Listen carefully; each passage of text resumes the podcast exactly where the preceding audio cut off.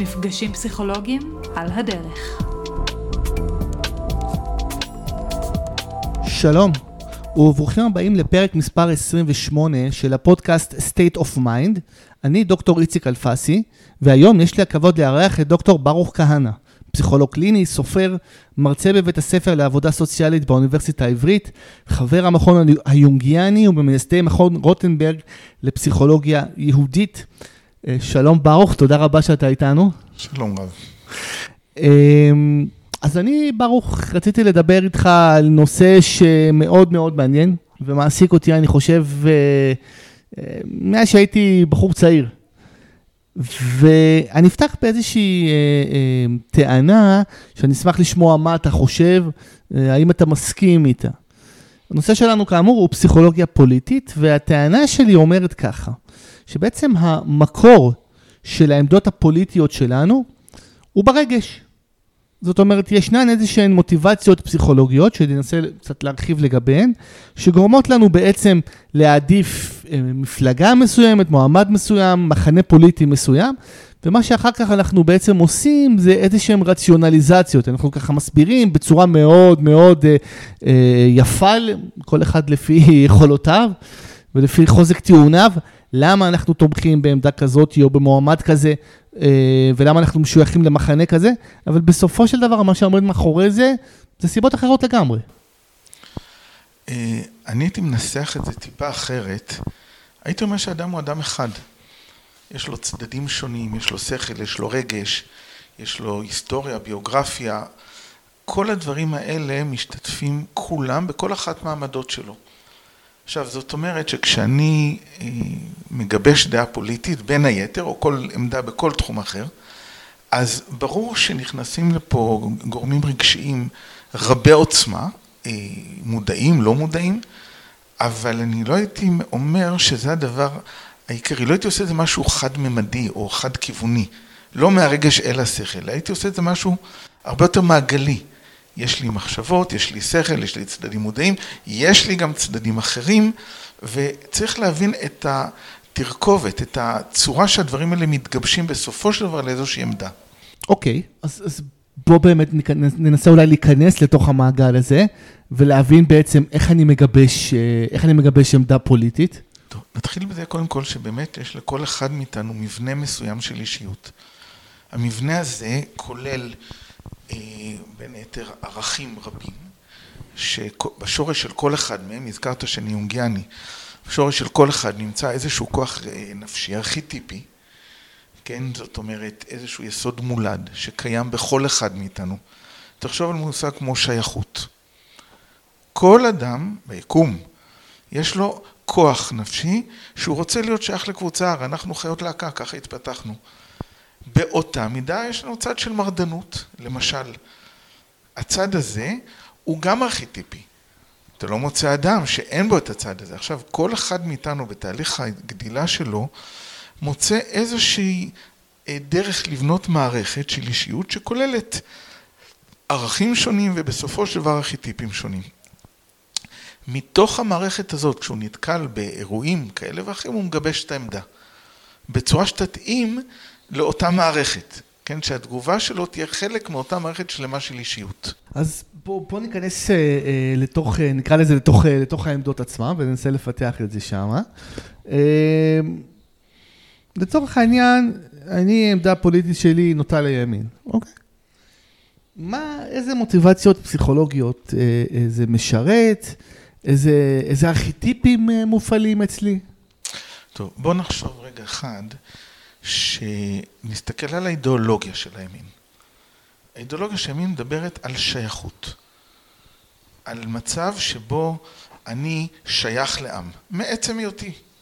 מעצם זה שנולדתי יהודי, אה, אפשר להרחיב את זה, נולדתי גבר, אפשר להרחיב את זה בכל מיני צורות. האידיאולוגיה של הימין אומרת שיש אולי מקום להרבה דברים, הרבה וריאציות, יש לי מקום לאינדיבידואציה, היא ממש לא תמחק את זה, אבל הדגש יהיה פה על שייכות. עכשיו תחשוב שאני אה, עומד פה מול, אה, אתה יודע מה, אה, כאלה שרוצים מדינה יהודית ואחרים שרוצים מדינת כל אזרחיה. Mm-hmm.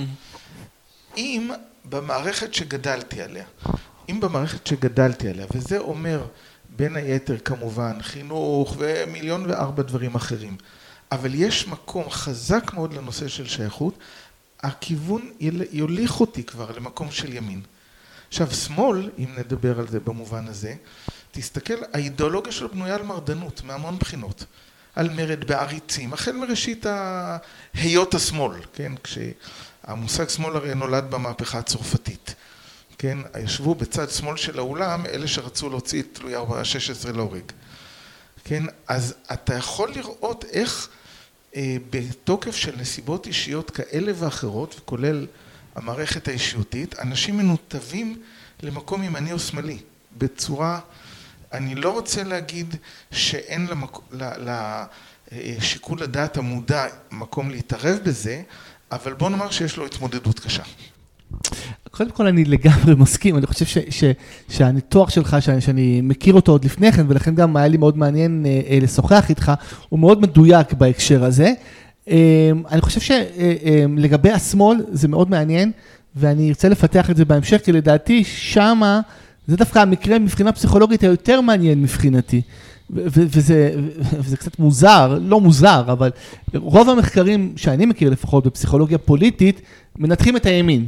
מנסים להסביר למה אנשים אה, נוטים לימין ומה מאפיין אנשים ימניים וכולי וכולי וכולי. מעט מאוד על השמאל. ההסבר לכך כנראה בגלל שרוב החוקרים בכלל, אני חושב באקדמיה ובוודאי במדעי החברה, נוטים לשמאל. ולכן גם הניתוח שלהם, יותר מעניין אותם לנתח את הימין, או מנסים אולי להביע איזושהי אמירה פוליטית באמצעות הניתוח הזה. אבל לדעתי המקרה של השמאל דווקא הוא יותר מעניין מבחינה פסיכולוגית, אבל אני אשאר רגע בימין.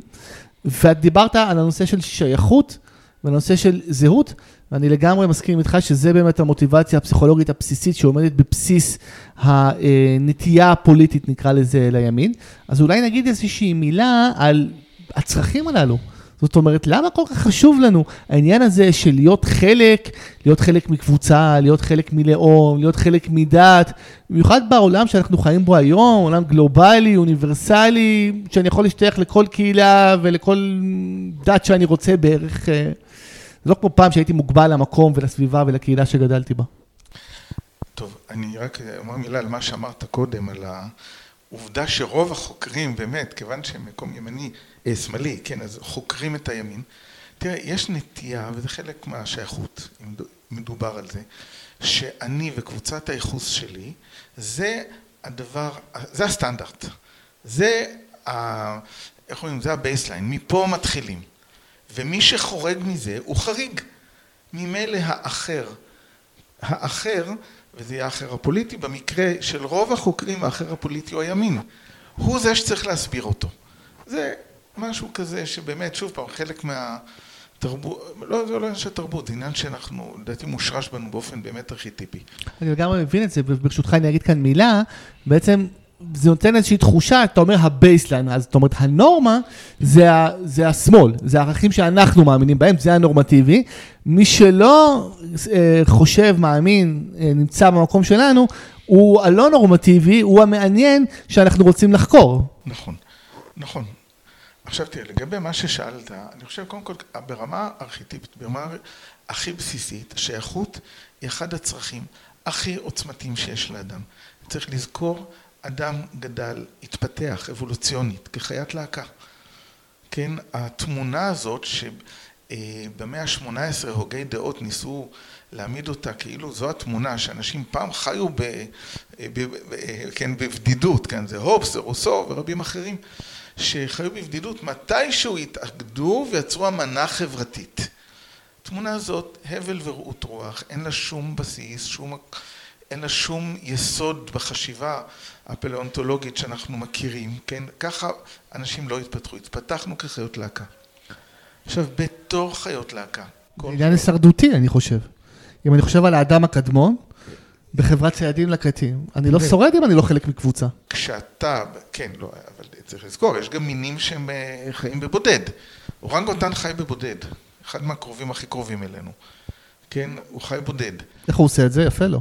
איך הוא עושה את זה? הוא פיתח אה, כלים אחרים של, אה, של הישרדות. השימפנזים, שהם קרובים אלינו יותר, Mm-hmm. הם חיים בקבוצות, שאתה רואה את היחסים בתוך הקבוצות, מזכירים מאוד בני אדם. Mm-hmm. זה נחקר, וזה מעניין. נושא מרתק מאוד לגמרי.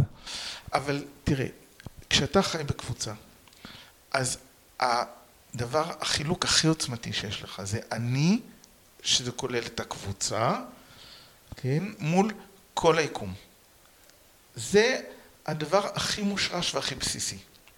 עכשיו זה קיים. אני טוען שזה קיים בכל אחד. אני מניח שבטח אתה, ואני בטוח שרוב מי שישמע אותנו, ראו את הסרט בריין כוכב עליון. אתה רואה שם המון אנשים שהאידיאולוגיה שלהם, שהם אינדיבידואליסטים, אז הם עומדים וצועקים בגוש אחד, כולנו אינדיבידואליסטים, כי לא יכול להיות שמישהו סוטה מהנורמה הזאת. עכשיו, מה קורה, ואתה אומר שהשמאל הוא נושא מעניין, אני מסכים איתך, ואני חושב שפה יש איזה פרדוקס שעומד במידה רבה בשורש ה... ה לא רוצה להגיד החשיבה השמאלית, אבל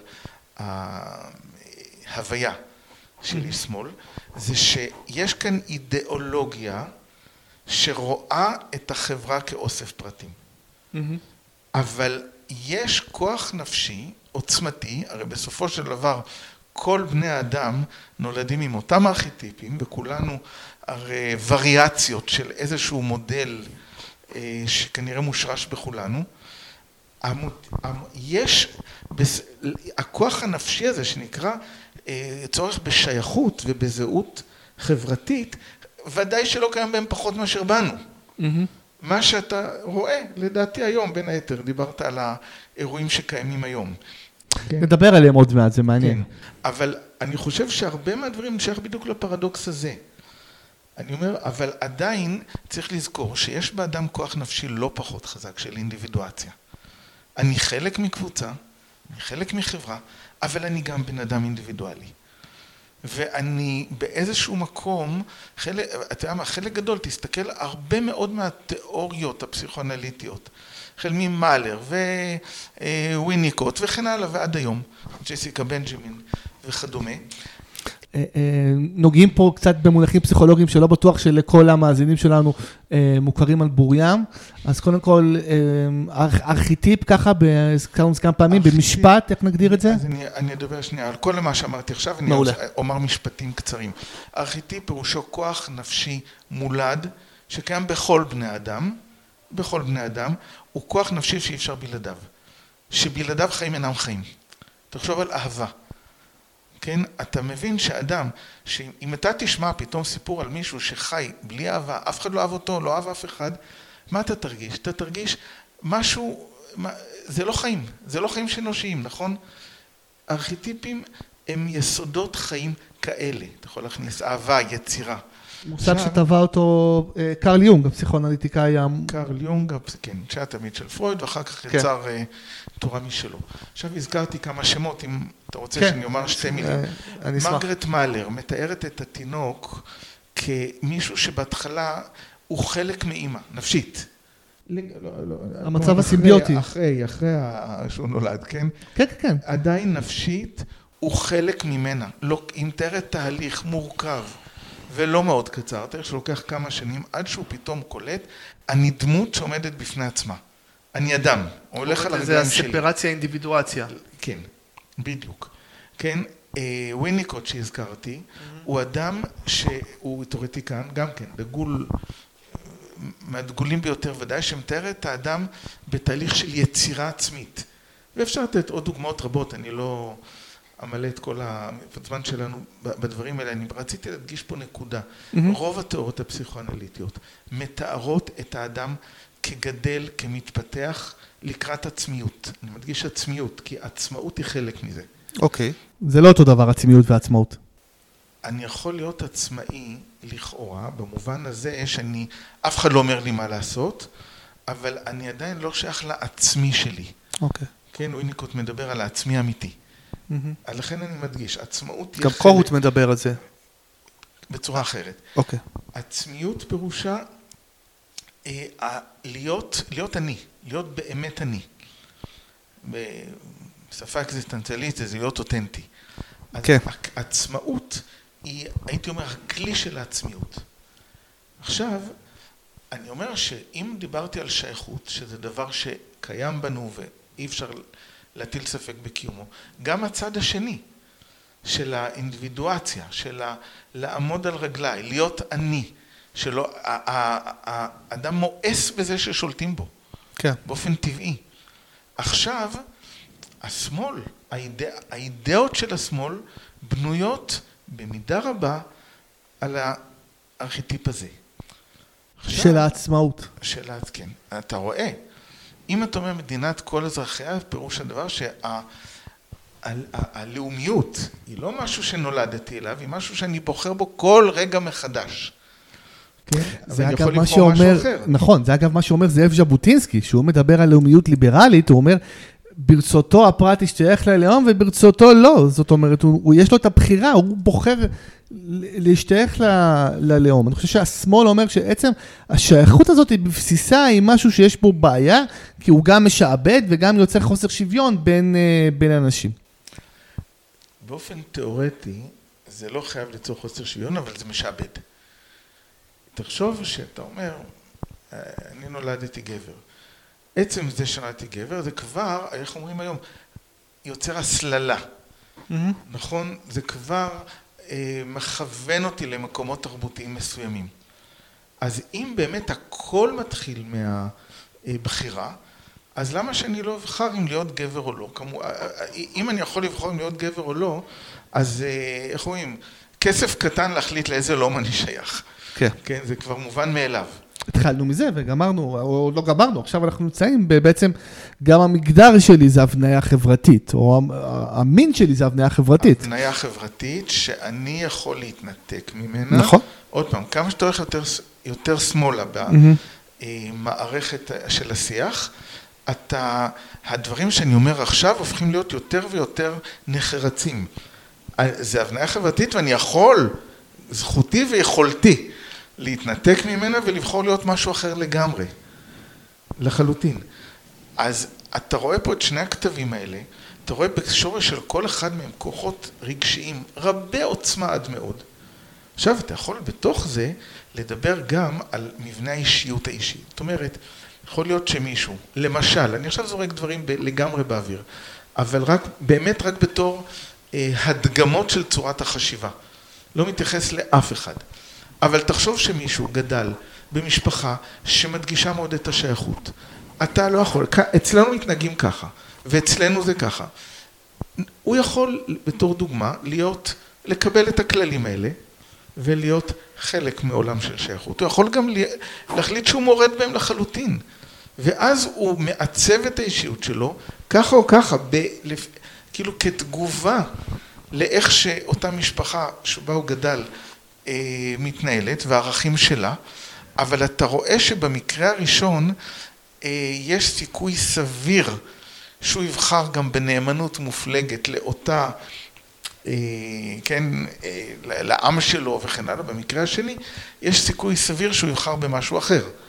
עכשיו שים לב שאסור לשכוח שברגע שאתה בוחר אידאה מסוימת, האידאות האחרות או הארכיטיפים האחרים אינם נעלמים, אלא הם נמצאים, הם פועלים, הם פועלים ממקום לא מודע.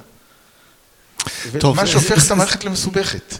לגמרי, וזה מרתק, וזה מוביל אותי בעצם לנושא הבא שרציתי לדבר עליו, וזה המאפיינים הפסיכולוגיים של ימנים ושמאלנים. ושוב פעם, אם אני חוזר למחקר בתחום של הפסיכולוגיה הפוליטית, אז מחקר מאוד ענף, שאומר שאנשים ימניים הם יותר נוקשים קוגנטיבית, יותר קונפורמיסטים, יש להם יותר נטייה לראות את העולם, לראות את המציאות של שחור ולבן, טובים, טובים ורעים, לעומת אנשים בשמאל שיש להם יכולת לראות את המציאות בצורה יותר מורכבת, והם פחות קונפורמיסטים וכן הלאה. אני חייב פה טיפה לערער, אפילו על שיטות המחקר בדברים האלה.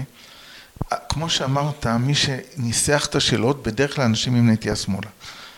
אבל אני אגיד חלק מהדברים, אני חושב שאפשר לקבל. אם דיברתי על שייכות, כן, אז אדם עם המבנה הנפשי שנוטה לימין, הוא מרגיש איזה עניין, איזה צורך בנאמנות. גדלתי בצורה מסוימת, גדלתי על ערכים מסוימים.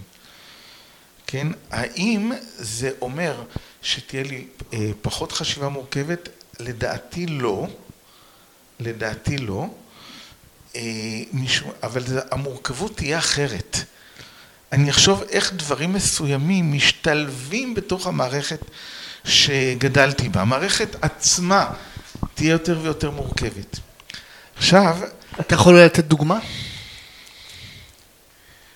אה, קח את העולם הדתי. Mm-hmm. עכשיו תחשוב שאדם שהוא, אה, אדם שהוא דתי, והוא אה, נתקל בכל מיני אידאות של, אה, אה, אני יודע, לא אידאות ליברליות אפילו, או אידאות אוניברסליות. כן. כן, השאלה שלו הראשונית, הוא יכול כמובן להפסיק להיות דתי, זה תמיד קורה. אני אעזור לך אולי לפתח את הדוגמה. אה, אדם דתי שקורא שהעם היהודי הוא העם הנבחר, איך זה משתלב עם תפיסה של ליברלית, אוניברסלית, של שוויון, וכל בני האדם שווים וכו'. אני אפילו, אפילו יכול ללכת הרבה לפני שמדברים על המבחר. עצם העובדה שאני, כשנולדתי יהודי, אני אוטומטית התחייבתי בכל מיני אה, כללים והלכות שידידי הגוי לא, לא חייב בהם. עוד לפני שנדבר כן. על, על נבחרות, שזה mm-hmm. כבר יוצר צליל של אה, יותר טוב, פחות טוב. עצם העובדה שאני מחויב בדברים מסוימים. אבל תחשוב רגע אחד, שאם אני בוחר להישאר דתי במובן הזה, אז השאלה שלי תהיה איך לקחת את הדברים שלמדתי עכשיו, לשלב אותם בתוך המערכת שלי. איך לחפש, למשל, בתוך העולם הדתי שלי, כל מיני יסודות של חשיבה, אה, בין היתר ליברלית, כן? אני יכול לומר, אתה יודע, אם אני אדבר, תרשה לי עכשיו להכניס את עצמי כדוגמה. בשמחה. אני אה, דמו, מרגיש את עצמי כדמוקרט בכל רמה חבריי, ואני ישבתי ושאלתי את עצמי בהמון צורות. כן, יש לי מערכת של אה, מושגים כמו נשמה וקדושה וכן הלאה. איפה, איך, איך הדמוקרטיה משתלבת פה? אני חושב, כתבתי על זה, האמת, אבל אני חושב שמצאתי ניסוחים מסוימים שבעיניי אה, המשלבים לחלוטין את הדמוקרטיה בתוך מערכת שאני רואה אותה כחשיבה יהודית אה, קלאסית לדורותיה. נהדר, אתה יכול, אתה יכול לעזור אולי ללא מעט אנשים, אני מניח, ש, ש, שחווים את הקונפליקט הזה? כן, אבל רק רציתי לתת את זה בתור דוגמה, ואני, בשמחה, אבל אני רוצה לתת דוגמה.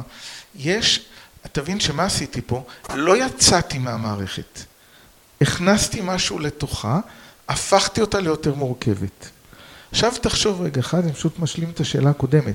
תחשוב שאדם שהנטייה שלו היא לזה שאני יש לי יכולת בחירה טוטאלית. הייתי גבר, אז מה? אתמול הייתי גבר, היום אני משהו אחר. החשיבה תהיה לכיוון של בואו, אוקיי, מה שהיה היה, אתה יודע, זה היסטוריה, עכשיו אני מקום אחר. עכשיו, כשאתה בוחן שאלות כמו נוקשות וכן הלאה, אתה מנסח את השאלות, הרי סיכמנו שהחוקרים הם ברובם אנשי שמאל. אתה מנסח את השאלות כך שאנשי השמאל יוצאים בתשובה לשאלות האלה עם חשיבה יותר גמישה. אם הקריטריון לחשיבה גמישה זה יכולת לעזוב אה, נושא וללכת למקום אחר, אנשי השמאל בטוח יותר אה, אה, חזקים. אם הקריטריון הוא דווקא להפוך את אותה מערכת שאני חי בה ליותר ויותר מורכבת, אני בכלל לא בטוח. אה, זה מרתק. אתה רוצה שאני אתייחס לשאלה של הדמוקרטיה? כן. התשובה בעיניי מאוד פשוטה. אה, בעיניי הבסיס של הדמוקרטיה, כן, הוא שלכל אדם יש נשמה. זאת אומרת, בחשיבה היהודית, לכל אדם יש נשמה, הנשמה היא התגלות מיוחדת של האל, ייחודית. אין עוד התגלות כזאת. מה שיש בנשמה שלי, התכנים שיש בנשמה שלי, לא קיימים אצלך, ולהפך. עכשיו, השאלה היא אמיתית היא איך ליצור מערכת משטרית שבה כל אדם יוכל לבטא את כל מה שגנוז בנשמה שלו. עכשיו, אם תחשוב על זה טיפה, אתה תראה שמכאן נגזרים אה, ערכים כמו אה, זכות הדיבור, כמו כמעט, כמו כל זכויות הפרט אפשר לומר, וגם, וגם אה, זכות הרוב להכריע.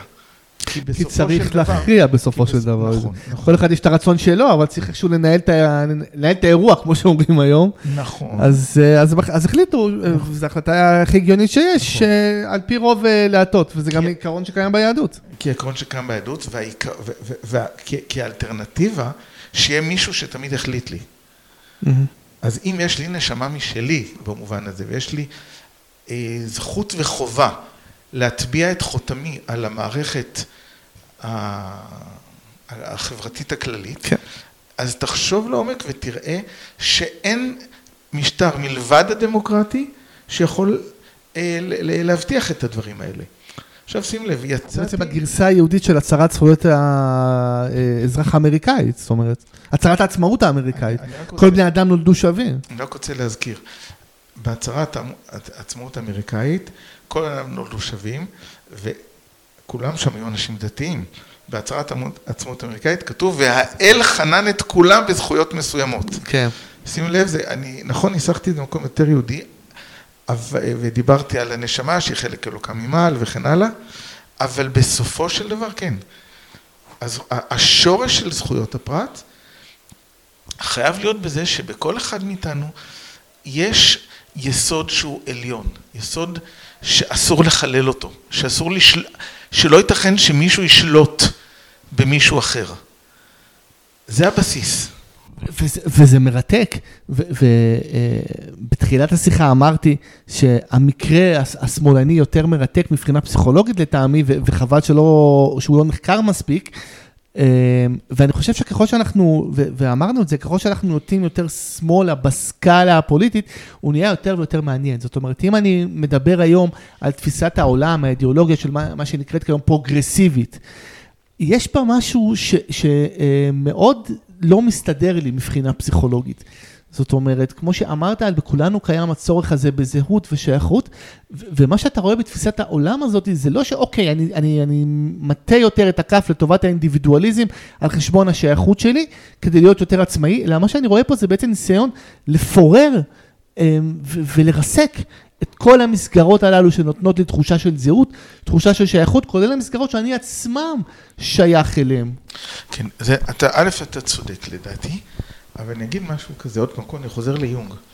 דיברתי על ארכיטיפים. כל ארכיטיפ, יש פה צד אפל. כה אמר יונג. הצד האפל, כאשר אותו ארכיטיפ עובר, יונג קורא לזה אינפלציה. אינפלציה זה אומר ניפוח, כמו פירוש הפשוט של המילה. זאת אומרת, ארכיטיפ מסוים מתנפח בצורה כזאת שהוא מכחיד ערכים אחרים. בסופו של דבר, אם ארכיטיפ אינפלציה, זה מצב פתולוגי, אז הוא פוגע גם בעצמו. דוגמה פשוטה, תחשוב על ברית המועצות. כן. ערך השוויון היה כל כך חשוב שלמענו היה אפשר לרסק את החירות. בסופו של דבר, אנחנו יודעים היטב, אה, שוויון לא היה, לא היה שם. לא היה שוויון ולא חירות. כן. אה, בצד השני, דרך אגב, באותו זמן, בוא נהיה הוגנים, הייתה ארצות הברית, שריסקה את השוויון למען החירות. אבל אז, אני לא בטוח שהיא ריסקה את השוויון, זאת אומרת, בלב האידיאולוגיה הקפיטליסטית אה, עומד, עומדת ההנחה שכל אחד אה, יכול בסופו של דבר לצרוך, להשיג, לצבור משאבים בהתאם ליכולתו ולהשקעתו, זה לא אומר שבני אדם לא שווים בבסיסם. לא, לא, שנייה, אני אצטט את ברכט.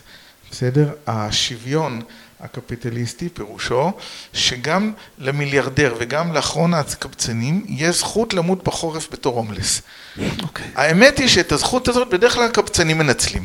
Okay. אוקיי. כן, אני מדבר עכשיו שוויון גם ביכול, ב, ב, בסיכויים, שוויון סיכויים להשיג משהו בחיים. אוקיי, okay, אוקיי. Okay. אבל שים לב, בתקופת מקארתי, רדיפה אחרי הקומוניסטים. גם, גם חירות לא נתנה. Mm-hmm. זאת אומרת, כל ערך שעובר אינפלציה מרסק א', את כל הערכים האחרים, בסופו של דבר פוג... הוא, הוא פוגע בעצמו. זה הצד האפל של כל ארכיטיפ. אז איזה ערך עובר אינפלציה כרגע באידיאולוגיה הפרוגרסיבית?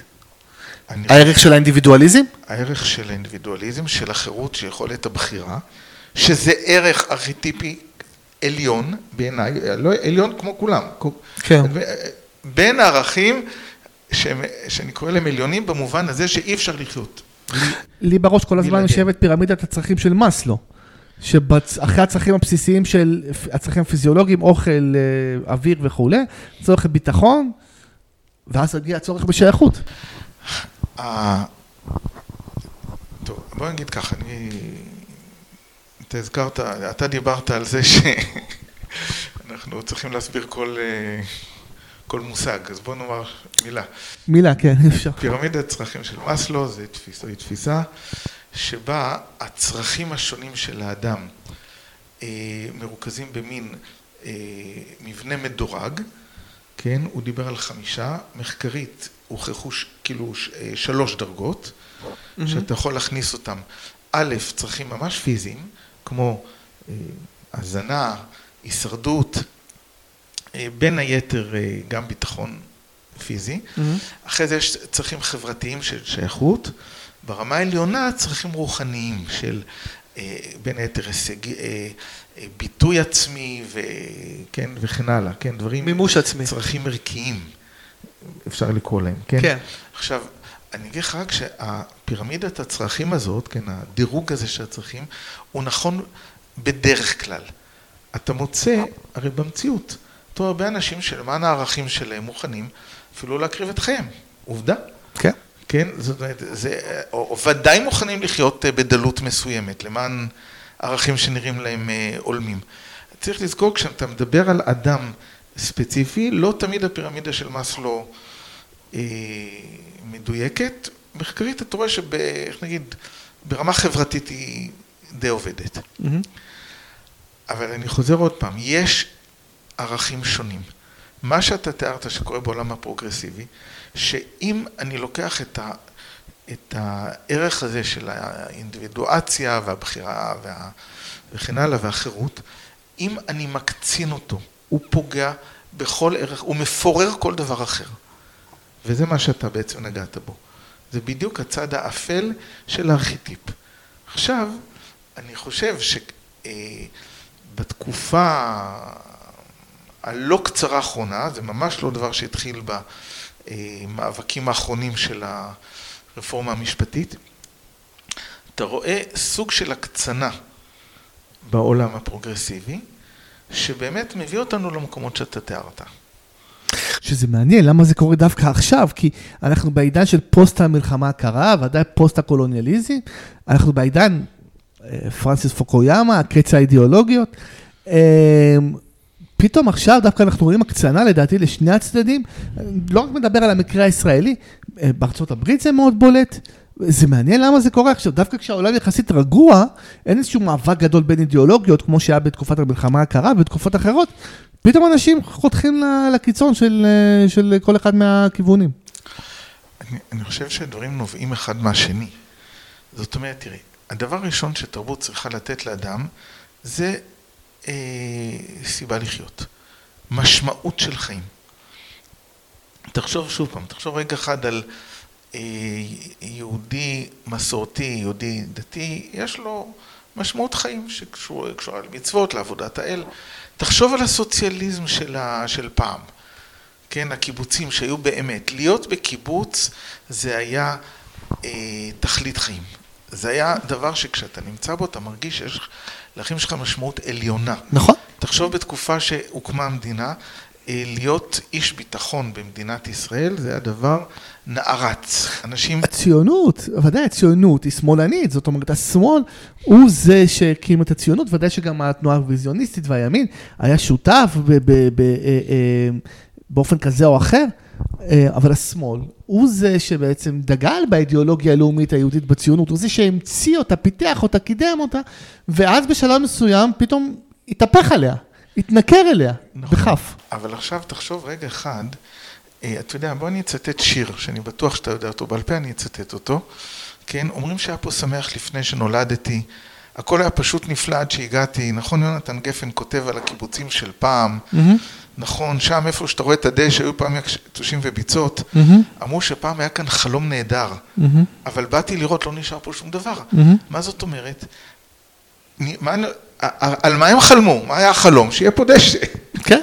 אבל בשבילי דשא זה סתם מציאות חיים. תחשוב שאדם חי, אני, אני בתור ילד, כן? אני בן 65, אני עדיין זוכר את ההתרגשות שהייתה בימי עצמאות. היינו הולכים ביום עצמאות בתל אביב, זה היה כיכר, אה, כיכר העירייה. לא, עד כמה שאני זוכר, לא היו הופעות, אנשים רקדו, אנשים היו מאושרים. חוויה עוצמתית מאוד בתור ילד. חוויה דתית.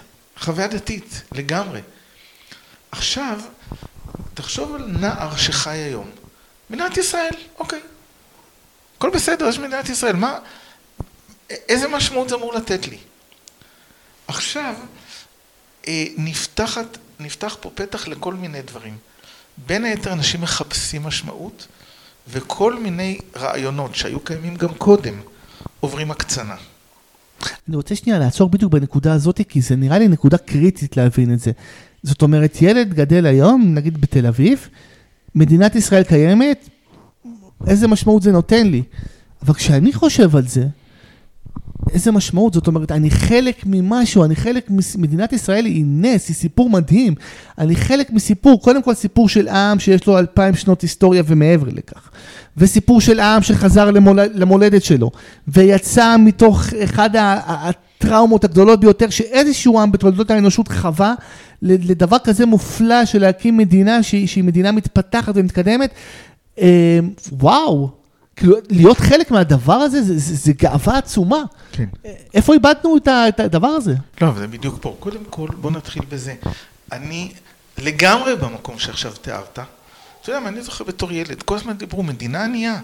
אנחנו מדינה ענייה. כן, המקום של ישראל היום, אם מישהו היה מדבר עליו, זה היה נראה כמו נס. אז, אני אומר, כשאני הייתי ילד, נולדתי לתוך המדינה. כן? גם היום זה נס. עכשיו, אני מסכים איתך, אבל יש כאן כמה נקודות. קודם כל, אה, כחלק מהתהליך הזה של התרופפות האידאה, דבר ראשון, לא מלמדים. לא מלמדים את זה. אתה יודע נכון, מה, אם אתה נכון. תסתכל היום, מה החבר'ה לומדים על תולדות העם היהודי, כלום עם כלום עם כלום. סליחה שאני אומר את זה, גם בתי ספר דתיים... לא, לא סליחה, זו עובדה. ואני לא רוצה לדבר בכלל באקדמיה, ששם הציונות היא בכלל כמילת גנאי. כן, כן. אני זוכר שפעם איזה איש אה, שמאל ציוני, כן, באיזשהו כנס באוניברסיטה העברית, כנס שאני ארגנתי והזמנתי אותו כאדם חשוב, אה, והתחילו לבקר אותו אנשים, בין היתר אנשים ביקרו אותו מצד ימין, הוא לא קלט שמבקרים אותו מצד ימין, הוא לא הבין שזה אפשרי, פתאום הוא אמר, רגע, אותי אתם תוקפים?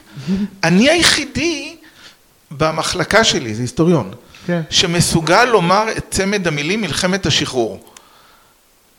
אחרים במקרה הטוב יגידו 48, במקרה הפחות מוצלח נכבה. עכשיו, אותי אתם תוקפים? עכשיו, כאן מדובר על איש שמאל, לגמרי.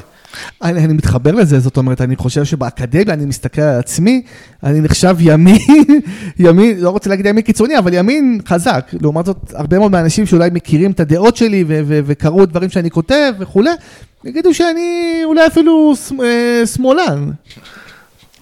א', אתה צודק שיש כאן אה,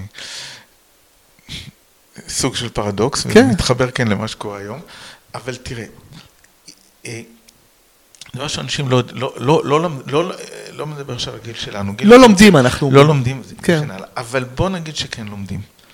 אז אתה לומד שפעם היה אחרת, זה מופשט. מסביבך, כן, כל האנשים מסביבך נולדו במדינה, תחשוב את הנער. כמעט כל האנשים שמקיפים אותך נולדו בתוך מדינת ישראל. מדינת ישראל היא מובן מאליו. ואם אתה מחפש משמעות לחיים, זה לא מספיק להיות חלק ממשהו שמישהו עשה. כן? ואז אתה מחפש כל, אתה יודע מה, ואז אתה תלך לנוער הגבעות, אם אתה בנטיות מסוימות, או לאנרכיסטים למען mm-hmm. הגדר, אם אתה במקום אחר. Mm-hmm. המאפיין את שניהם, את שני הצדדים שעכשיו תיארתי, זה לומר, חבר'ה, מה שאתם עשיתם, אוקיי, עשיתם. איזושהי עמדה שאתה יכול לראות אותה כעמדה התבגרותית קלאסית. הוריי היקרים, מה שאתם עשיתם, עשיתם, נחמד, הגעתם לפשרות שלכם, אני הולך עכשיו לעשות משהו אחר לגמרי. אבל מפה חושב באמת... יש הקצנה.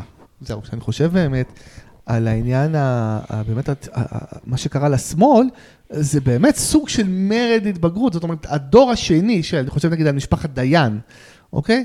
הדור השני, השלישי, אביב גפן, אה, אסי דיין, בעצם מרד בפתוס, באידיאולוגיה הציונית, הלאומית אה, אה, של ההורים, וחתך לקצה השני, ועכשיו אולי קצת מתמרכז, אם אנחנו נכון. נדבר על אביב גפן המאוחר, כאילו.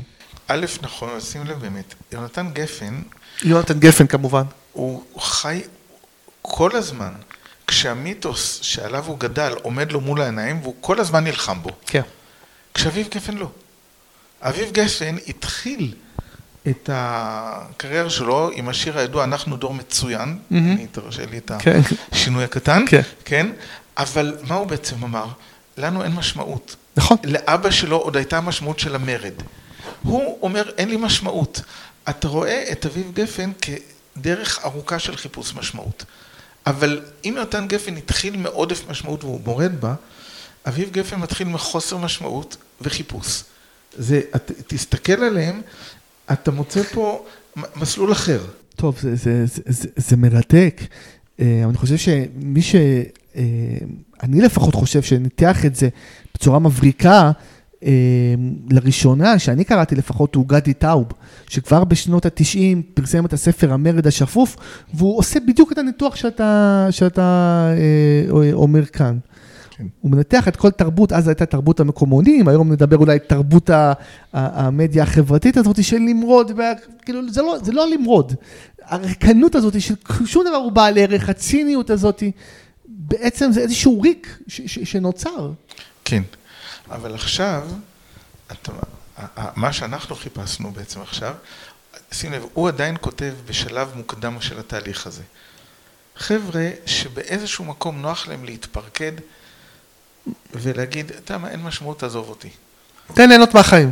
כן, אתה יודע, כמו שאתה יוצא לחופש. כן, יש לך כמה ימים בחופש, הרגליים על הכרית, כן, ורד ממני. לגמרי. כמה אתה יכול להמשיך? בדיוק חזרתי מחופשה, אני מתחבר להרגשה לגמרי. ככה אתה יכול להמשיך ככה? אבל אתה יכול להמשיך ככה שבוע, עשרה ימים, שבועיים, חודש, לא חיים שלמים. אתה תרצה לטייל, אתה תרצה לעשות משהו. מה אני מתכוון? הת- התהליך ההיסטורי ממשיך.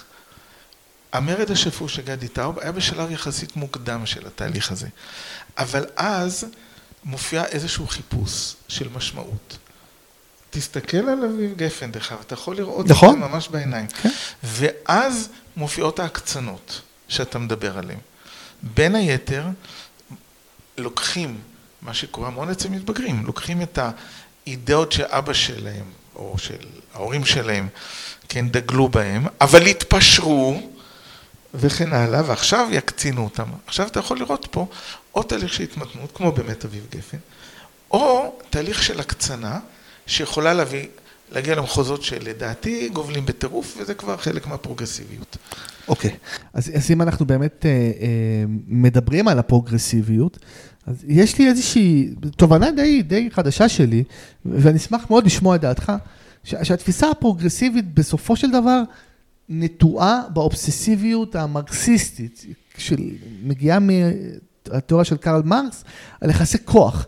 הם מאוד מאוד מאוד עסוקים בנושא הזה של יחסי כוח, הם תמיד יחפשו את האופן שבו יש קבוצה אחת שמדכאת קבוצה שנייה, ויתמכו בקבוצה המדוכאת לכאורה, למרות שלכאורה, לא לכאורה, למרות שהקבוצה המדוכאת לכאורה יכולה לעשות לא לכאורה, אלא בפועל, עוולות מאוד מאוד חמורות. טוב, התשובה שלי היא טיפ- טיפה מורכבת. קודם כל, דרך אגב, עושים עוול למרקס, צריך לקרוא אותו, כן? בזה אני בטוח. אה, והוא לא היחיד שעושים לו עוול. הרבה מאוד תיאורטיקנים גדולים מעוותים אחרי זה את התיאוריות שלהם לצורך כל מיני מטרות. כן, הבעיה יותר עמוקה, דרך אגב, יש הוגי דעות נפלאים שאף אחד לא שמע עליהם. לפחות כשאתה קורא אותם, אתה רואה מה כתוב. יש דעות, יש הוגי דעות שכל מי שנדמה לו שהוא מכיר אותם, כי הוא שמע, מדברים, זה נכון. מרקס של המניפסט הקומוניסטי, ככה הוא מדבר, יש יחסי כוח, זה כל מה שמניע את החברה. אם אתה מסתכל על מרקס של, החל ממרקס הצעיר וכלה בקפיטל, וקורא אותו בצורה יותר יסודית, אתה רואה שמה שמניע את האדם זה יצירתיות ושאיפה לאנושיות. ויחסי הכוח הם, הם מזיקים בגלל שהם מונעים ממנו את זה. וזה יסוד הרבה יותר עמוק אצל מרקס, שאיכשהו נעלם. אוקיי, זה עניין, אה, עניין שבפני עצמו. מעניין. אבל אני אגיד לך על משהו נוסף. גם העניין הזה של יחסי הכוחות לא התחיל איתו. זה מתחיל עם רוסו. מת... כמעט 200 שנה קודם. רוסו מתחיל את הספר שלו במילים האלה. בני אדם נולדו חופשיים, בכל מקום הם נתונים באזיקים. זאת אומרת, בדיוק זה, יש לך אדם שהוא מטבעו שואף לחירות, ובכל מקום שאתה מסתכל עליו יש איזשהו, יש איזושהי מערכת חברתית, משטרית וכן הלאה, שכובלת אותו. וכל מערכת, אומר את זה רוסו בפירוש, כל מערכת מעוותת, אדם מיסודו הוא פרא אציל. המערכת החברתית-תרבותית מעוותת אותו. וואו, זה ממש מהדהד לי את פרויד ואת תרבות אה, ללא נחת. שזה, זה, פרויד אולי בגלל לזה מהכיוון הפסיכולוגי, הוא אומר בעצם, התרבות בעצם אה, מדכאת את היצרים הטבעיים של האדם. כן, אבל שים לב, אצל פרויד, הייתי אומר פרויד יותר קרוב להובס, אוקיי. במובן הזה. הובס מובן? גם מדבר על זה שאדם, אה, התרבות חייבת לדכא את האדם, אבל הובס אומר משהו אחר. האדם הוא מיסודו, הוא לא מדבר על הפרא האציל. אדם מיסודו הוא חיית טרף. טוב שהתרבות מדכאת אותו. פרויד אומר את זה. כן, אדם, אה, אם תיתן לו את היצרים שלו, לא תהיה חברה. כן, הוא פשוט... איש את אחיו חיים בלעו. נכון, הוא ייקח, אה, ייקח מה שהוא רוצה, הן במישורים אה, פיזיים של רכוש וכן הלאה וכלה בדברים מיניים, הוא ייקח מה שהוא רוצה. חייבת לבוא תרבות שתרסן אותו. מהמם. במובן זה פרויד יותר קרוב לאופס מאשר לרוסו. אבל פרויד בכלל היה אנטי-אוטופיסט. הוא היה נגד, כן. נגד כל אה, פנטזיות גדולות, לכן הוא גם היה נגד הקומוניזם, אם זה כבר מדברים. אבל אתה צודק שבאיזשהו... למרות שהוא עסק הרבה בפנטזיות. כן. זה, אנקדוטה אירונית. אתה יודע, אה, שמעתי, קראתי פעם איזו הרצאה שנתן אחד מה... אה, פסיכואנליטיקאי לקניאני, נתן בישראל, זה אסכולה מסוימת אה, של פסיכואנליזה צרפתית, כן, אבל נתן את ההרצאה בישראל, ואז הוא אמר, תראו, תחשבו שברחוב אחד בווינה יושבים שני יהודים עם זקן, אחד כותב ספר שבו כתוב פנטזיות מתמש... מתממש... לא מתממשות לעולם, מדברים עליהם בקליניקה בשביל להיפטר מהם.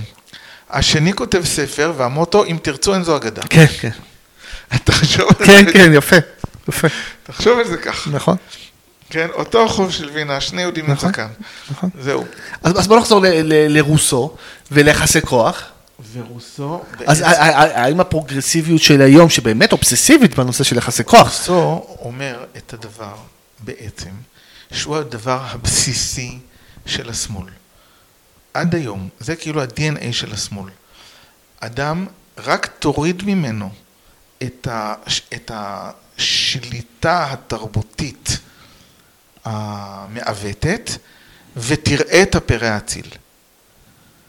עכשיו, אם תחשוב, כמה עשרות שנים אחרי רוסו, הייתה מהפכה הצרפתית. זה היה בדיוק העיקרון שלה. כן? איך אמר רובספייר? לואי צריך למות בשביל שצרפת תחיה.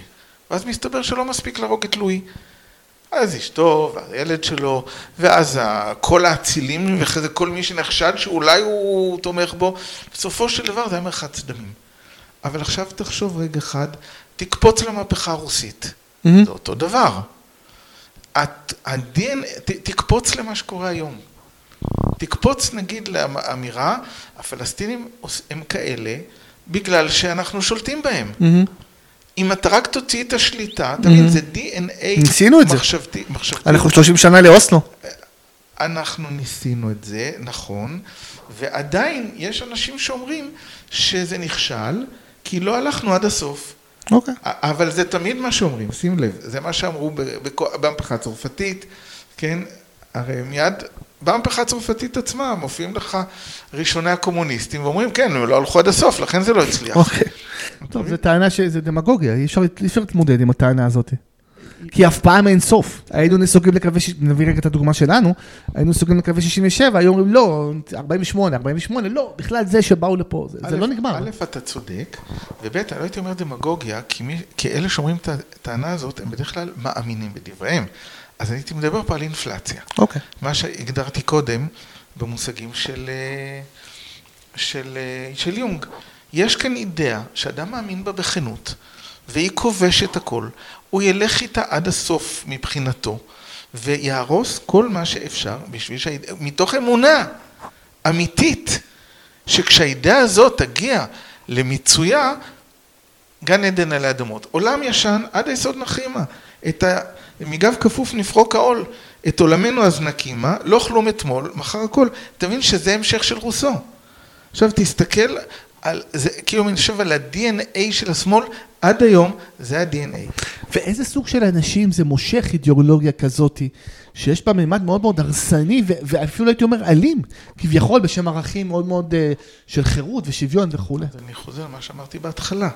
יש אנשים שהצד המרדני, שיש לו שורש עמוק ואמיתי של אינדיבידואציה ושאיפה לחירות. אני, אני, אני עושה, בכל מערכת, תראה, גם מערכות ימניות יכולות להגיע לעריצות או, ודאי, איומה- ודאי. פשוט על זה מדברים כל ונוראה. הזמן, על הפשיזם והנאציזם מדברים בלי סוף. לעריצות איומה ונוראה. חד משמעית, ודאי. אני ממש לא בא להגיד, כן, שהשמאל, לא, לא, הוא חלילה, הוא, הפ- הוא, הוא הצד הפתולוגי. אני בא להגיד, ממש כל, לא, יש פתולוגיה בשני הצדדים. בא להגיד שבדיוק כל, כל אידאה בנויה על איזשהו ארכיטיפ, והארכיטיפ הזה, כשהוא עובר אינפלציה, הוא אה, מביא לאסונות. אסונות שלא יתוארו, אפשר לראות את המאה ה-20. כן. על כל שלל הקטסטרופות שההיסטוריה של המאה ה-20 מראה, זו דוגמה של אינפלציה מימין ואינפלציה משמאל, וכל, אה, וכל רוע אפשרי, בלי הגזמה. אני ממש ממש מסכים עם זה, ולכן אני חושב שאידיאולוגיות זה דבר טוב, אידיאולוגיות קיצוניות זה דבר מאוד מאוד מסוכן, לא משנה אם זה ימין, שמאל, ואני רוצה ל... אה, אה, לקראת ככה החלק האחרון של השיחה שלנו, להתכנס שוב, עשינו ככה סיבוב ארוך, הגענו עד, ה, עד המהפכה הצרפתית, לחזור שוב לימינו, אה, לימים, לימים האלה, וכרגע למחלוקת שקורעת את החברה הישראלית. ו- ובעיניי, שוב פעם, אני לא קונה את זה שזה מחלוקת על עילת הסבירות, על שיטת הסיניוריטי. לפני, האם היית שואל לפני שמונה, תשעה חודשים, מתי זה התחיל? אנשים, אה, אה, איך תבחר נשיא בית המשפט העליון, או, או מה זה עילת הסבירות, לא היה להם מושג. והיום הם מוכנים להקיז את אה, דמו של אחד של השני בשביל הדברים האלה. מה עומד, מה עומד בבסיס? אני אגיד לך יותר מזה, בסדר? יש לי חברים אינטליגנטים ביותר, מר- מרצים באקדמיה וכדומה, שיצאו להפגנות האלה, כן, למחאות. ואז, כשבהתחלה באמת היה נראה כאילו מדובר על, על אה, הרפורמה המשפטית, אז התחלנו טיפה להתווכח, ואני אומר יחד, שנייה, אבל אם אתה אומר שזה ככה וככה, התחלתי התחלתי להתווכח על הסעיפים של הרפורמה, והתברר שאין להם מושג על מה מדובר בכלל.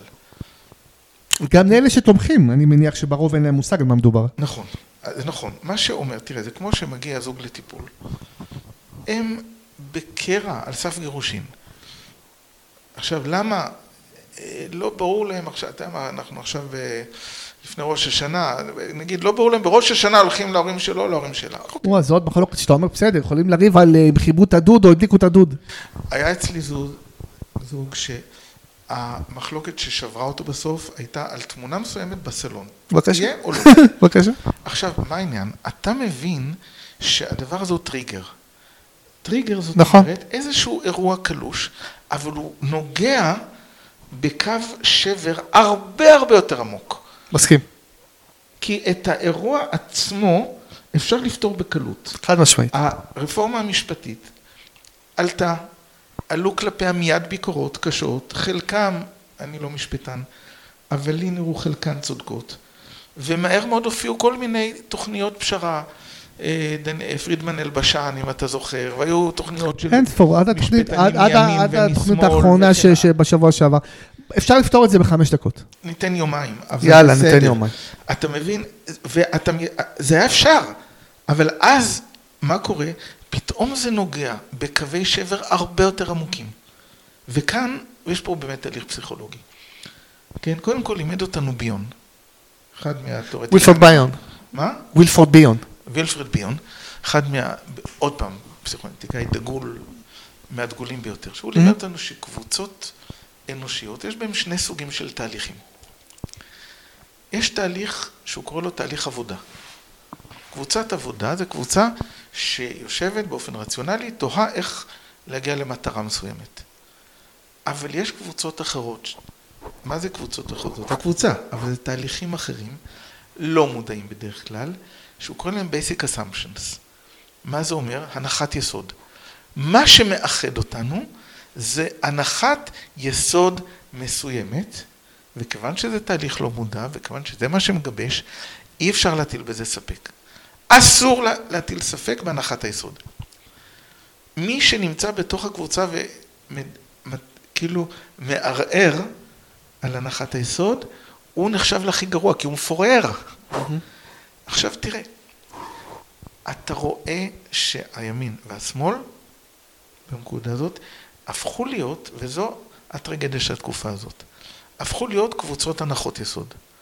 אי אפשר לדבר, אי אפשר ליצור קשר או דיאלוג עם הצד השני, כן? כי הצד השני רוצה רע. עכשיו שים לב, הוגה דגול... ומה הן הנחות היסוד האלה? בשביל כל אחת מהקבוצות? אז אני חושב שיש כאן שני רבדים. ברובד אחד, שהוא יחסית פשוט, יש כאן קבוצה שביון קורא לה fight or flight group, זאת אומרת קבוצה של מאבק מנוסח. מה הנחת היסוד? יש מישהו רע שרוצה ברעתנו. יש מישהו כזה. בסדר? עכשיו אתה תיתן לו אצבע, ייקח את כל היד.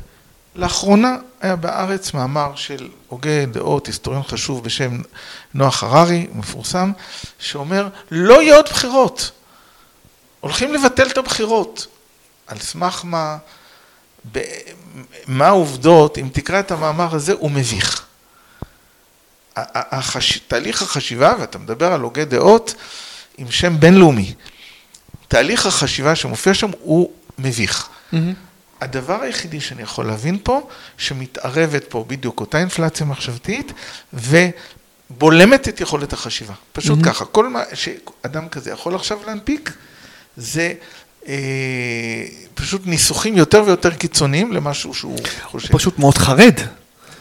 אבל זה בדיוק זה. אני, אני לא אומר שהוא צודק, אני לא חושב שהוא צודק, בכלל לא, אבל זה, זה בדיוק מחזיר אותי למה שהתחלתי איתו, את, את הדיון, וזה, משם הגעתי לזה, שאני שומע אנשים מאוד מאוד אינטליגנטים, שבכל נושא בעולם אתה אומר, וואו, איזה ניתוח מבריק, שזה מגיע לפוליטיקה, ואני אוסיף בסוגריים כדורגל, יש הרבה דמיון ביניהם, אתה... אתה אומר, בואנה, כאילו, זה לא הגיוני בכלל, כאילו, מה קרה לבן אדם, כאילו? ואתה מביא דוגמה טובה לזה. אז אוקיי, זה הנחת יסוד אחת. אה, אה, אבל אתה יודע, אומרים שזה יושב על הקו השבר הזה המאוד מוכר של ישראלים מול יהודים, אתה מסכים עם זה? נכון, נכון, מסכים לגמרי. רק אספר את האנקדוטה פשוט, אני לא מתאפק. לפני שנים הייתי בצוות אה, של איזשהו כנס מקצועי, עם אדם אינטליגנטי ונחמד מאוד, שהוא אוהד אחת קבוצות הכדורגל. וכיוון שאני בעוונותיי נרדם כשאני רואה משחק, אז נורא עניין אותי אפילו להבין איך אדם אינטליגנטי כזה, כאילו, מה, המערך הנפשי, כאילו, שהוא נכנס מתוכו ל...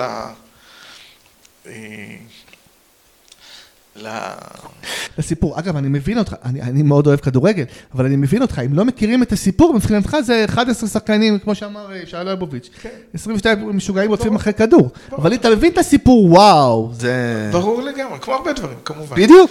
אבל קיצור, באיזשהו שעה בשיחה אני שואל אותו, וזה, אנחנו מדברים שיחה אינטלקטואלית, עם מושגים, פסיכואנליטיים. ואז באיזשהו שעה אני שאלתי, תגיד, יכול להיות, יש מצב כזה שאוהד קבוצה, כאילו, נמאס לו שהקבוצה שלו מפסידה כל הזמן, התחיל לעוד את הקבוצה השנייה. תקשיב, פתאום הבן אדם נהיה אדום. כן. נמושות, חלאת אדם. נכון, נכון, מבין את זה. אתה מבין, פתאום יוצא משהו אחר. לגמרי. עכשיו תראי, בוא נחזור להקמת המדינה. נחזור אפילו עוד אחורה, לשבר הבסיסי העמוק של העם היהודי ברגע שהוא נתקל בהשכלה. כן? אוקיי. עד אז, אני מדבר עכשיו, נגיד המחצית השנייה של המאה ה-18. Mm-hmm. עד אז העם היהודי היה פחות או יותר מגובש. ברור, היו מחלוקות, היו כל מיני דברים, היו הנחות מסוימות, אה, צורות התנהגות מסוימות, יהודי יכל לאכול אצל כל יהודי. עכשיו, פתאום, מופיעה אסכולה אחרת של אנשים שרואים את עצמם כיהודים. הרי אנשים שמתנצרים, עוזבים את המערכת, תמיד היו. אבל עכשיו פתאום יש משהו חדש באמת. אנשים רואים את עצמם כיהודים, עומדים על זכותם להמשיך להיקרא יהודים, אבל הנאמנות הרוחנית העמוקה שלהם היא דווקא לעולם המערבי. או במילים אחרות, הם לא יהודים דתיים. הם לא בהכרח מקיימים את אה, שולחן ערוך. כן, אבל עוד פעם, אני רוצה להדגיש, זו שאלה יותר עמוקה מאשר כן שולחן ערוך או לא. תמיד היו אנשים שבוא נאמר, הקשר עם שולחן ערוך היה שלום שלום. לפחות היה שלום. כן, לפחות זה היה שלום. בדיוק, לא, זו הנקודה, לפחות זה היה שלום. כאן מופיעה אופוזיציה פנימית, שאומרת, נגמר. לא, עזבו את השטויות האלה, זה לא... כן, כמובן ברמות שונות של קיצוניות. כן, ברור. אבל החל, בוא נרג... אתה יודע מה, נגיע, נקפוץ לחצי השני של המאה ה-19, יש לך את, ה... את הסוציאליסטים והבונד, שרואים את עצמם כיהודים, הבונד. כן, רואים את עצמם כיהודים לגמרי, כיהודים בתרבותם וכן הלאה, אבל הם אנטי דתיים קיצוניים, זה לא לא דתיים. הם נגד כל מה שהיה. עכשיו נוצ... נוצר פה שבר. פה נוצר שבר.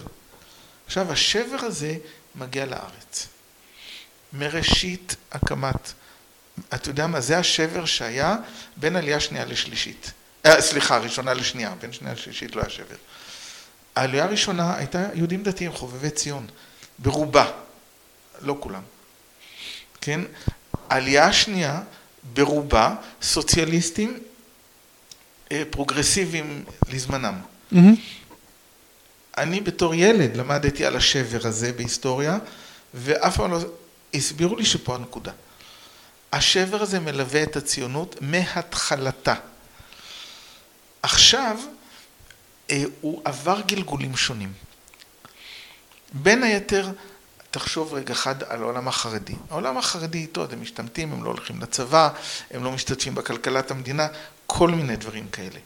עכשיו, כל עוד הם, אני יודע מה, פחות מעשרה אחוז, אז אתה יודע מה, אוקיי, אז הם... אה, זה יותר מאשר המספר או הסדר גודל, זה גם המעורבות שלהם בניהול המדינה. כל עוד הם היו עסוקים רק בניהול הקהילה שלהם, ודאגו לצרכים של הקהילה שלהם, אז, אז גם אם היו דברים שלא היו נראים לאנשים אחרים, יכלו, מה שנקרא, לבלוע את זה.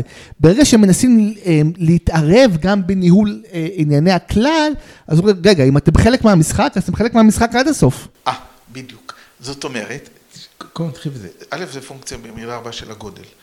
כן? אתה, אם, אם אתה 30 אחוז, יש לך זכויות מסוימות, וגם הגיוני שיהיה לך. אבל, אבל גם חובות. אבל, בדיוק, אבל אז יבוא, אומר, בא החילוני, כן, ואומר, חברים, אתם אה, רוצים אה, להיות שווי זכויות לחלוטין, אבל איפה, איפה האחריות שלכם לכלל? נכון.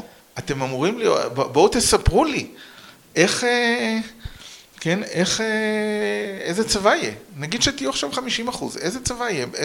איפה הייטק? מה יקרה? יפה. עכשיו, כלפי הציונות הדתית היו טענות קשות עוד הרבה קודם. כי היא כל הזמן ניסתה להיות חלק מה... אבל היא רוצה לקחת, או לפחות נגיד זרמים חזקים בתוכה, זרם החרד"לי נאמר, כן? רוצים לקחת את המדינה למקומות מסוימים. עכשיו, אותם אה, יסודות שחילונים, שדרך אגב, היו הרבה פחות חילונים היום, אם מדברים על, ה... mm-hmm. על החילונים שאתה יודע מה, אפילו שביניהם אני גדלתי, כן? מהדור שלי. היו הרבה הרבה פחות חילונים מהיום, עכשיו נחרדים. למה הם נחרדים? כי מבחינתם, זה לא, עד, עד עכשיו הם הרגישו שהם המיינסטרים, ויש כל מיני מיעוטים מעצבנים שצריך אה, לחשוב איך מרסנים אותם, אבל זה מיעוטים בכל זאת. פתאום הם קולטים, לא, יש כאן, אה, יש כאן באמת ש, אה, שתי קבוצות תרבותיות שונות שלא, מתח, ש, שלא אה, רואות את הדברים עין בעין, כלומר בהמתה, שיש להם מטרות שונות, איך מחברים את זה? עכשיו, פה אני מגיע לרפורמה המשפטית. Mm-hmm. כי מבחינת, בא אהרון ברק, אהרון ברק נתן נוסחה מופלאה. הדמוקרטיה תמשיך לשחק, יוכלו, ה... כל הפלבאים יוכלו להמשיך לבחור לכנסת והכל בסדר, והביביסטים יכולים לבחור את הממשלה שלהם. פלבאים זה פשוטי העם? אבל אני... רק המונח הזה, פלבאים. פלבאים זה פשוטי העם, כן. כן, זה מונח רומי, כמובן. כן. פשוטי העם ברומי נקראו פלבאים. שכל הפלבאים האלה ימשיכו לשחק את המשחק, אני בסוף אקבע. זה נותן... יש את מועצת חכמי הדמוקרטיה שיושבת בבית המשפט העליון. זו הטענה של אה, תומכי הרפורמה. זו בדיוק הטענה, ש... לא, כן, אבל מה שאני רוצה לומר, שזה גם מסביר את החרדה של מתנגדי הרפורמה. שיקחו להם את זה? זה כמו מישהו שיושב ליד איזה סכר, מאחורי הסכר יש איזה אגם ענק, שמה שמחזיק אותו זה הסכר. ואז בא מישהו אומר, בוא נחליש את הסכר טיפה. מבחינת אותם זרמים חילוניים שאני מדבר עליהם, הרעיון של להעביר סמכויות מבית המשפט לרשות המחוקקת הוא בדיוק החלשה של איזשהו סכר. כן? התרגלו שיש אה, מי שעומד ושומר. במובן הזה, ברגע שהייתה האמירה בואו נחזיר איזון מסוים בין הרשויות, לפחות, לפחות במוצהר זו, זו הייתה המטרה, אז זה אומר שהעולם של, ה, של הדמוגרפיה הדתית, חרדית וכן הלאה, עומד לשטוף אותנו. ביביסטית, איך שתרצה, mm-hmm. עומד לשטוף אותנו. פה יוצאים לקרב. טוב, אז, אז הנקודה הזאת, אה, ואנחנו ככה צריכים אה, לסיים, אבל אני, אני, אני לא יכול לסיים בלי בעצם להתייחס לנקודה הזאת. אז אה, אמרת ביביסטים, ואנחנו רואים באמת, אני חושב שאנחנו רואים בעצם בכמעט ארבע שנים, מתי זה התחיל? מתי הייתה מערכת הבחירות הראשונה? אפריל 19? אה, יותר מארבע שנים. זה, זה משבר שהוא מתמשך. זאת אומרת, עכשיו זה לרפורמה המשפטית. לפני כן היו את ההפגנות בבלפור על העניין של ראש ממשלה אה, נאשם בפלילים יכול, לא יכול לכהן וכולי. יש פה איזשהו משהו אה, שחוצה את העם לשניים, אה, תמיכה בבנימין נתניהו והתנגדות לבנימין נתניהו, עם אמוציות מאוד מאוד חזקות. קיבל גם כבר את הכינוי, הרל"בים, רק לא ביבי, מול הביביסטים, רק ביבי.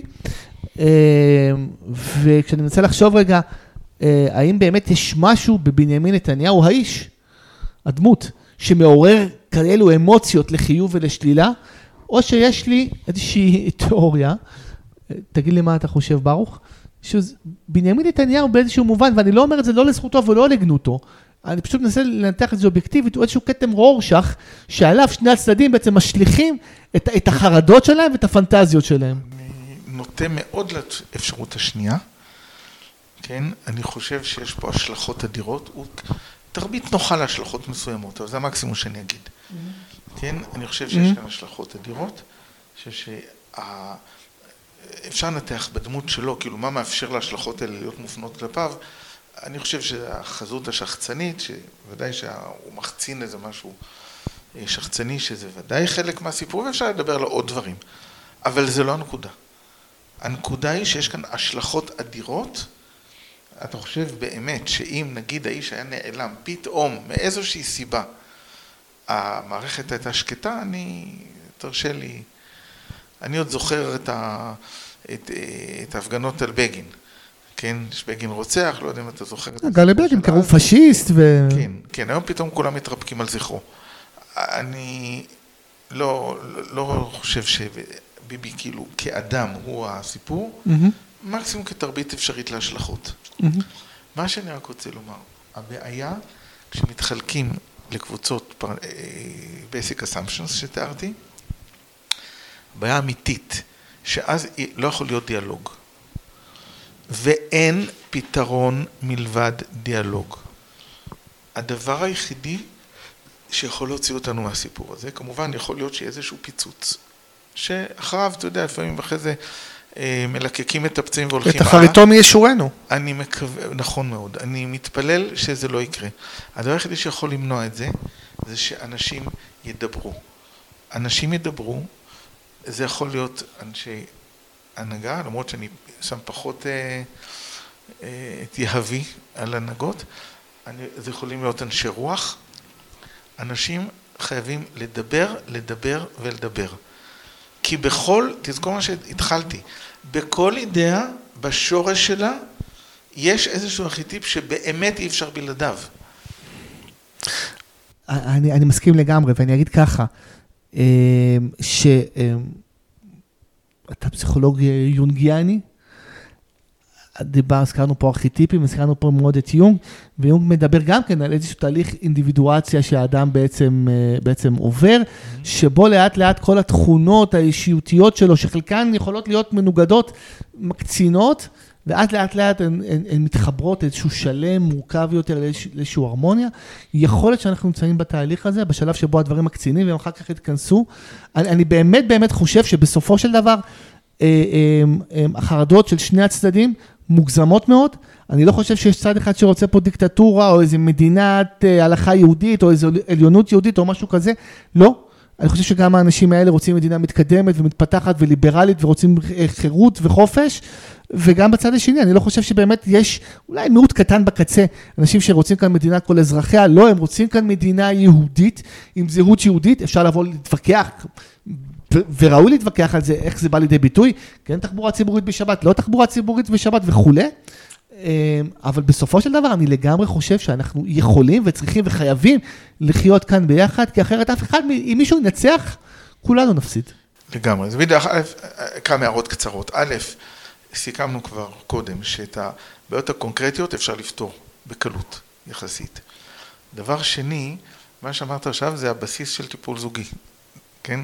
בא אליך זוג, כל אחד רוצה למשוך אותך, שתסביר לשני שהשני טועה. אם אחד מהם ינצח, הזוגיות מתה. זה. ככה. כן. לגמרי. דבר נוסף שאני אגיד, אה, אני לא רק שייך למכון יונג, אני שייך גם למכון רוטנברג אפילו. אמת, כן. וכאן יש לנו את המושג של צמצום. צמצום זה בדיוק המושג ההופכי לאינפלציה. זה מושג קבלי.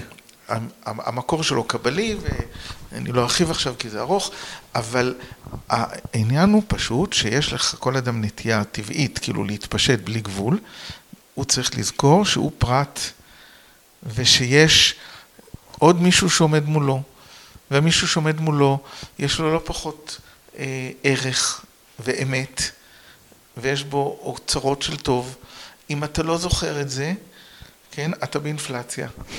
אם אתה זוכר את זה, אתה יכול לצמצם את עצמך, ואז נוצר דיאלוג.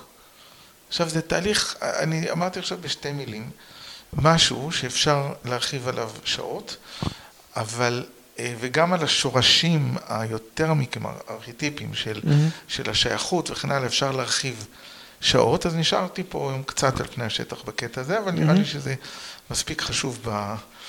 בהקשר הזה.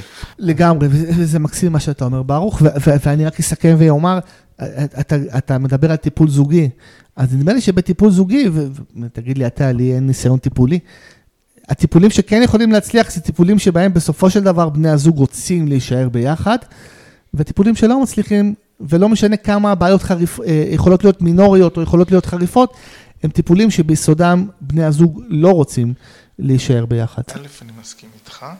ומפה גם האופטימיות שלי, כי אני מכיר אנשים, אני פוגש אנשים. בשורה התחתונה, אני חושב שהרוב המכריע בעם שלנו רוצה להישאר ביחד. מסכים, מסכים. טוב, אז בנימה האופטימית הזאתי, אנחנו נסיים. המון המון תודה, באמת על, על, על שיחה מרתקת ומאלפת, שלמדתי ממנה המון, ואני בטוח שגם המאזינים שלנו, והדברים הם מאוד מאוד חשובים, במיוחד בעת הזו, אבל נדמה לי שבכל עת. אה, הם חשובים. אז המון תודה ברוך. תודה לך.